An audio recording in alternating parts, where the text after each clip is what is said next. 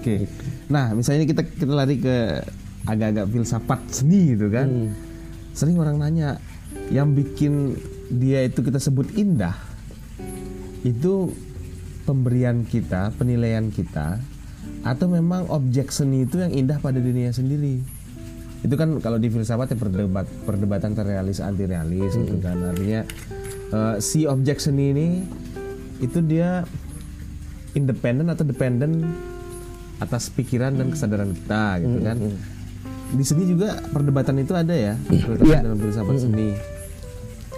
Kalau kita bicara tentang eh, apakah segala satu menjadi indah dan tidak indah, kalau kemudian kita merujuk ke belakang di zamannya eh, Plato begitu atau Aristoteles, gitu, maka sesuatu yang kemudian dinyatakan eh, sesuatu dinyatakan karya seni itu jika kemudian dia mengandung keindahan. Jadi keindahan di Plato itu adalah eh, memiliki eh, ukuran atau proporsi yang tepat. Kemudian dia memiliki suatu yang harmonis. Jadi proporsi yang tepat itu artinya kalau dia membuat meja itu ya simetris dong yang bagus. Dia buat bangunan itu yang simetrisnya bagus kiri kanan dan sebagainya. Jangan yang melewat-melewat dan Iya. sebagainya. Kalau kemudian itu tidak dibuat dalam uh, ukuran uh, yang tepat, proporsinya juga baik dan dia tidak harmonis, dianggap itu tidak indah. Dengan cara pandang yang sama, misal di dalam seni, takaran sekarang di dunia uh, seni rupa kontemporer, indah itu menjadi pertanyaan yang juga uh, tidak mutlak. Karena indah itu tergantung pada audiensnya. Kalau orang yang kemudian uh, ada kan ada kemudian muncul karya seni yang indah dan tidak indah. Ada yang satu membicarakan beauty, yang satu membicarakan the bad art atau the ugly art begitu. Tetapi nyatanya sesuatu yang karya yang dianggap tidak indah bagi orang tertentu karena dia punya ukuran bahwa karya realis itu itu harus mempertimbangkan sesuatu yang diingatan kita terhadap benda itu itu ada. Begitu ingatan kita terhadap benda itu rusak atau tidak sesuai bagi yang melihat itu itu adalah tidak bagus. Berarti itu bisa kita sebut sebagai dia seorang rasionalis gitu. Artinya sesuai dengan bagaimana dia mengukur gelas ini sebagai realitas gitu kan. Jadi ada standar rasionalitas. Jadi kalau oh ini nggak masuk akal lah ini kalau bentuknya kayak gini gitu kan. Bayangannya kok ada di mana aja gitu kan nggak masuk akal. Kira main masuk nggak itu pertimbangan kayak gitu? Pertama adalah objek eh, pendekatan dia adalah objektivisme itu bahwa segala satu ditakar terhadap keobjektifan terhadap benda itu. Jadi objektifnya terhadap benda ini misal si gelas ini begini. Nah, objektivisme itu kemudian dimunculkan disebabkan oleh pengalaman indera, yaitu pengalaman melihat itu. Dia punya pengalaman terhadap objek itu. Nah, logika kita kemudian terhadap bagaimana cahaya jatuh, kemudian bagaimana ketepatan bahwa dan sebagainya itu, itu nanti baru kemudian masuk ke dalam filsafat seni itu pada permainan akal itu. Nah, akal itu kan logika itu, budi itu. Nah, rasio-rasio itu yang kemudian dipertimbangkan untuk eh, berkaitan tentang misalnya proporsinya tepat nggak sih? Nah, kan gitu proporsinya tepat nggak perspektifnya bagus apa enggak apakah kemudian karya ini misalnya yang depan ini harusnya lebih besar daripada yang belakang. Kenapa kemudian yang belakang tuh lebih besar sih pada yang Oke. ini? Jadi logika rasionya di sana dipakai. Tetapi kalau objektivitas itu disebut dengan objektivisme itu untuk mempertimbangkan bahwa benda-benda ini punya material yang di dalam dunia keseharian kita itu itu terukur terhadap penginderaan kita. Nah, di, di secara objektif kita bisa mempertimbangkan kepada mahasiswa misalnya, ini kalau cahayamu jatuh dari Ya. sini harusnya gitu. Ini bayangannya sini. Kok bayangan yang di sini yang sebelah kiri itu harusnya lebih gelap? Karena kemudian cahayanya datang dari kanan. Tetapi tiba-tiba aja kenapa cahaya dari kanan bayangannya yang bawah sebelah kanan itu tebal. Nah, jadi di situ kemudian dari objek yang tampak ini secara rasio kita memberikan uh, logika itu argumentasi. Berarti eh, mengandaikan satu karya seni itu benar-benar independen dari pikiran dan kesadaran itu nggak mungkin ya. Karena objek atau karya seni itu nggak bisa bicara sendiri kan, Iya. memerlukan intensi kita, intensi kesadaran kita, kemudian kita memberikan dia suatu nilai gitu. Hmm. Tapi misalnya kayak gini, misalnya eh, beli area bikin lukisan tentang burung camar misalnya kan, Hmm. burung camar tapi kakinya ada tiga misalnya kan. Nah, pasti ada maksud dong dari beli area lukis itu kan. Hmm. Nah, ketika orang misalnya menafsirkannya beda, kira-kira dalam eh, ya ideal di seni rupa gitu ya, boleh nggak? Harus nggak kita menyesuaikannya dengan apa kemauan dari si pelukis?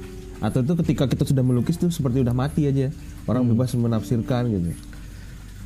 itu biasanya masuk ke dataran konseptual art. Jadi karya-karya yang sudah memiliki konsep tertentu, konsepnya itu kemudian mengandung nilai. Nah, kandungan nilai itu biasa dipresentasikan ke dalam bentuk lambang atau simbol. Nah, karena kemudian lambang atau simbol itu yang dia munculkan berdasarkan ke- keputusan yang dia inginkan, dia bisa membuat lambang atau simbolnya sendiri. Tetapi dia juga bisa membuat lambang atau simbol itu berdasarkan konvensi yang disepakati. Kalau konvensi yang disepakati misalnya buat cinta itu adalah menggunakan bentuk cinta, eh, buah yang biasa digunakan bisa apel atau stroberi misalnya begitu. Atau konvensi yang menyatakan bahwa eh, yang suka menggerogoti menjadi kotor dan sebagainya biasanya ada ada tikus dan berbagai bentuknya. Itu konvensi yang sudah umum gampang aja kita munculkan. Nah yang tidak inilah yang kemudian yang di luar kebiasaan ini dia buat gambar-gambar tertentu. Maka dia harus mempertimbangkan seseorang bisa memaknai simbol itu karena sebelumnya orang sudah memiliki ingatan terhadap simbol itu atau perlambang itu jika tidak, maka besar kemungkinan apa yang diinginkan oleh seniman itu tidak akan tercapai pada audiensnya. Di tataran seni rupa modern, kalau kita melihat pada pendekatan representasi hari ini gitu, yang kemudian memesis sebagai representasi karena dia akan kemiripan, nah kemudian representasi ini menjadi perwakilan baik kepada benda maupun perwakilan pada si seniman ini. Representasinya itu berkaitan tentang tanggapannya kepada audiens. Nah, audiens itu kan punya disebut dengan pictorial thinking. Kemudian kalau dia pictorial thinkingnya dia itu tidak pernah ada melihat burung camar kaki tiga, maka itu akan menjadi gangguan sama dia. Hmm. Padahal kemudian kita buat camar kaki tiga itu karena kemudian eh, burung camar itu kakinya tiga, maka itu menjadi lambang tertentu yang kemudian bisa terbang apa misalnya gitu. Tapi bagi dia nggak tercapai itu karena di dalam pictorial thinkingnya dia representasi gambar di dalam otak dan ingatnya dia tidak ada. Maka kalau itu tidak tercapai, maka yang diingin oleh seniman itu tidak akan bisa dipahami oleh si pemirsa. Apakah itu diperbolehkan? Ya memang itu akan terjadi. Karena karya-karya yang sifatnya eh, konseptual atau karya-karya yang kemudian eh, memasuki zaman-zaman postmodern itu representasi eh, penilaian karya seni itu bukan ditentukan secara otonom dan sifat mutlak oleh senimannya, tetapi itu tergantung terhadap si pengamat. Hmm. Kalau dia tidak tercapai yang disampaikan kepada pengamat, ya memang begitu karena nilai nilai karya itu atau apresiasi karya itu ditentukan terhadap pengetahuan dan pengalaman hidup juga nilai-nilai kultur yang dimiliki oleh si, si pengamat itu sendiri. Hmm. Berarti kalau di Roland Barthes semiotikanya Roland Barthes itu kan the dead author gitu kan. Mhm. Dalam kadar tertentu suatu karya seni, seni rupa itu ya, lukisan itu bisa kita mengandaikan bahwa ya ketika dia sudah selesai menggoreskan kuas ya di kanvas itu, maka ya seolah-olah seperti seniman sudah meninggal, nggak bisa mengintervensi penilaian, nggak bisa ya. Nggak bisa. Begi- begitu dia masih di dalam studio, dia punya hak terhadap bagaimana penilaian karya itu. Oh ya. Begitu dia keluar Nggak bisa studio, mengintervensi karyanya lagi bisa. kan? Ah, ah. Karena nggak bisa direvisi gitu ya kalau udah jadi. Nggak bisa. Jadi bisa kayak oh oh dilihat orang banyak mengkritik kan diedit gitu nggak bisa. nggak bisa. Jadi begitu dia keluar dari studionya di Udah, ruang pameran itu, author maka dia Dead author creator, ya. Dia juga hanya sebagai penonton yang berjarak terhadap karyanya. Iya. Jadi orang mau melihat karyanya menjadi tidak menarik, lihat karyanya menjadi eh, sugestinya bagus atau Iya. mem- mengandung kekaguman kepada orang lain, itu adalah hak dari si audiens ini sendiri. Jadi tidak masalah. Oke. Hmm, Di mahasiswa juga aku sering sampaikan begitu.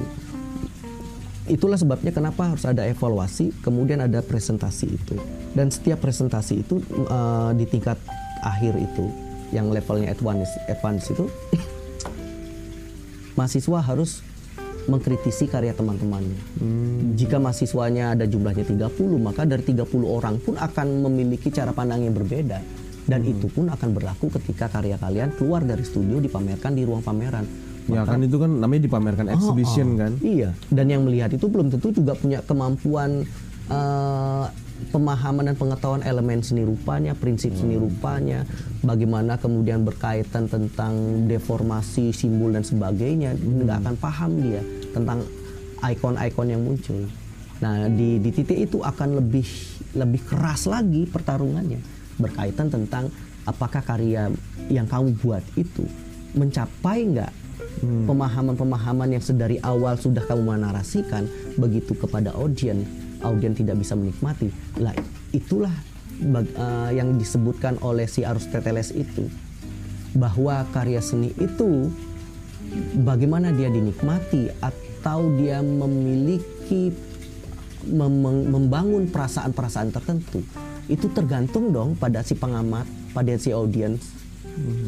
Kalau kemudian dia membicarakan tentang drama itu sendiri kalau kemudian orang yang pernah mengalami KDART pernah mengalami pem- eh, kekerasan atau kehidupan yang kelam maka ketika orang yang melihat drama itu dia akan tersentuh dia akan Iya. bergejolak Karena relate dengan Ah, relate dengan ya. itu. Tetapi orang yang kemudian tidak pernah mengalami itu dalam kehidupan, dia mengatakan Apa memang sih?" ada sih kehidupan kayak begitu, ngenes banget, nah kan begitu. Cuman ada di sinetron. Oh gitu. sinetron-sinetron, padahal sinetron juga dibuat realitasnya ada juga seperti itu kan gitu. Iya, Cuman kan ada kadang-kadang juga orang dibesar-besarkan aja. sinetron itu memang ada nyata gitu. Ya, Aristoteles men- udah menyampaikan begitu juga. Hmm. Sehingga kalau kemudian di sedang uh, ribuan tahun kemudian kita melihat ternyata apa yang kemudian terjadi di dunia estetika dan di filsafat ini terutama para filsuf itu itu relate banget terhadap bagaimana cara pandang hari ini diturunkan bahwa bagaimana misteriusnya manusia seperti halnya misteriusnya seniman itu dan seperti halnya misteriusnya karya seni itu berpengaruh pada orang lain. Karena saking seri ma- saking misteriusnya kehidupan manusia dan konsep yang dimunculkan terhadap ketertarikan atau seleranya manusia dalam karyanya itu pun mengan- mengandung kemisteriusan terhadap apresiasinya. Iya. Oke. ada yang suka lukisan-lukisan yang horor yang tentang pembunuhan tentang Hmm. Yang gore-gore gitu ya. yang Kayak- vulgar Kayak ini artworknya band-band metal tuh. Ah, Yang khususnya Itu pun, keburu wah, bagi orang tertentu kanibalisme Hmm. gitu kan. yang kengerian gitu kan Iya. bagi bag- beberapa orang yang menyukai dunia itu dia bisa naruh itu di kamarnya Disturb ya kalau yang orang yang tidak suka tidak disturbing suka gitu. wah kalau nggak suka bisa mual-mual dia gitu Iya, jadi betul, memang betul. preferensi pribadinya itu yang kemudian mempertimbangkan hal itu jadi Oh. eh, tidak usah sakit hati begitu ada orang yang menyukai lukisan A dan tidak menyukai lukisan B Ah. Oke. karena sekali lagi bahwa betapa misteriusnya lanskap yang disebut dengan psikologi dan eh, eh, daya apresiasi Iya. manusia itu dengan cara demikian kita juga mempertimbangkan karya A belum tentu mutlak kesukaannya dengan Iya. yang sama karya B pun demikian Nah ini mungkin ya terakhir lah ini kan. Kalau aku mau ngomentarin seni satu karya seni itu syaratnya harus menjadi pelakunya nggak? Karena kalau di dunia musik misalnya kan ada orang sama sekali nggak bisa main alat musik, tapi dia uh komentator lah. Dia dan bagus komentarnya tentang musik dia pendengar gitu ya kalau di, di musik kan. Nah kalau di seni rupa berlaku nggak itu beli? ya kalau di tetap karena kita orang ilmiah gitu Ya. orang ilmiah maka kita akan melihat kapasitas yang bersangkutin di dalam memberikan presentasi itu sehingga sebaiknya memang orang-orang tersebut uh, memiliki pengalaman di dalam dunia penciptaan atau dia memiliki kemampuan yang cukup baik di dalam relasinya terhadap dunia itu. Terhadap apa yang dia komentari ya? apa yang dikomentari Apa yang paham. jadi memang itu argumentasi yang dia bangun itu logis dan tidak hanya persoalan Teoritis. uh, teoritis. dan kemudian tidak hanya berkaitan dengan sentimental. Kan itu juga jadi penting. Uh, misalnya begini. Bagaimana kita kemudian mempertimbangkan uh, susahnya membuat karya realistik misalnya. Karena itu berkaitan ketelatenan kepatuhan mata terhadap objek lalu kemampuan di dalam menerjemahkan warna-warna yang sedemikian detail yang dibuat oleh alam itu melalui warna yang kita miliki. Itu tidak mudah. Tetapi tidak mudah juga uh, menikmati karya-karya yang sifatnya ekspresif misalnya. Karya-karya karya yang punyanya si uh, uh, Bob Sick misalnya atau karya-karya um, punyanya uh, Eddie Hara misalnya yang gayanya uh, apa namanya karakter seperti anak-anak tapi si uh, memunculkan isu-isu yang politis misalnya.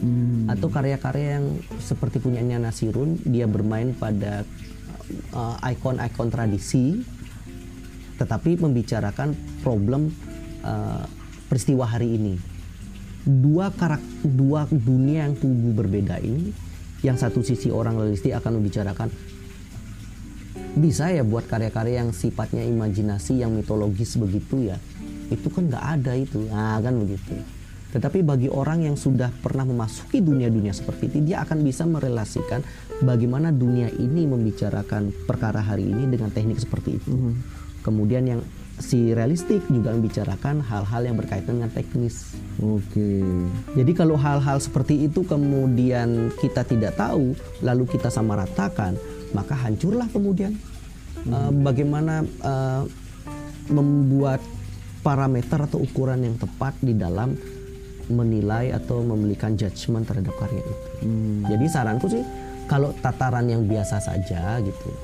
Setiap orang boleh mengajukan argumentasi terhadap karya apa pun karena setiap orang berhak untuk memberikan penilaian. Cuman kadar penilaiannya tentu akan berbeda-beda karena yang yang bersangkutan akan mempertimbangkan begini si seniman itu Eh, apa latar eh, kemampuan atau eh, fakultinya dia berkaitan dengan seni itu yang menjadi basis di dalam eh, argumentasinya Komentar-komentar. komentar-komentarnya. Kalau kemudian dia tahu bahwa yang memberikan argumentasi itu sebetulnya tidak memiliki kepada kedalaman kepadatan, bagi dia sih nggak usah didengerin gitu. Iya, iya. itu aja dia. Tetapi bagi orang yang eh, paham, maka yang dia sampaikan itu adalah argumentasi yang sifatnya logis. Hmm, itu aja sih. Jadi kalau di dalam yang kesekarangan ini siapa pun boleh menilai gitu, boleh berhak gitu. Dan itu juga menjadi cara kita mengamati bagaimana gagasan kita itu bisa diapresiasi oleh orang lain tanpa mendake-dake harus berkaitan dengan teori atau argumentasi yang berat. Nah, itu. Orang nanya itu wajar lah ya kayak Wajar. mahasiswa kan jadi dosen seni rupa. Hmm. Tapi nggak pernah atau jarang sekali ngelukis gitu kan. Hmm. Tapi ngomentarin teori ini, realisme itu sama kayak pemusik lah gitu kan. Heh, Kenapa ini? udah malam. Udah malam. Brenda, eh. Itu itu anjingnya siapa anjingku dua di sana. Oh, dua di situ Ah. panggil ya. Jadi dia kalau malam itu dia tidur di sana. Di, biasanya di kandang. enggak dia punya tempat di belakang sana, kayak tempat bersantai. Dia pasti tidur di sana. Saling panggil ya. Oh, oh, jadi kalau itu buktinya dia sengaja ribut itu biar dia dibukain pintu sana buat masuk. Oh. Jadi dia akan membuat keributan begitu. itu cara dia mencuri perhatian. Padahal nggak ada apa-apa sebetulnya, nggak ada orang lewat. Iya iya iya. Jadi itu memang modusnya kayak begitu. Modusnya.